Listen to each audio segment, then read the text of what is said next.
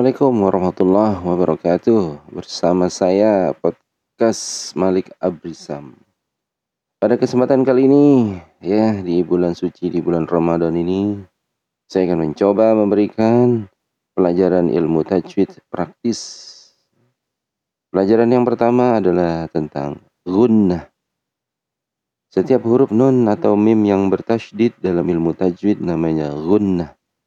Nah, contohnya seperti inna, thumma, innama, falamma, walakinna.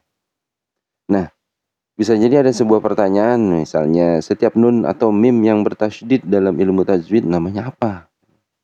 Ya, jadi jawabnya adalah setiap huruf nun atau mim bertasydid dalam ilmu tajwid namanya gunnah.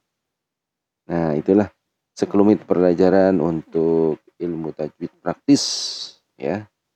ya. Pada kesempatan lain lagi nanti akan kita berjumpa lagi pada podcast saya berikutnya.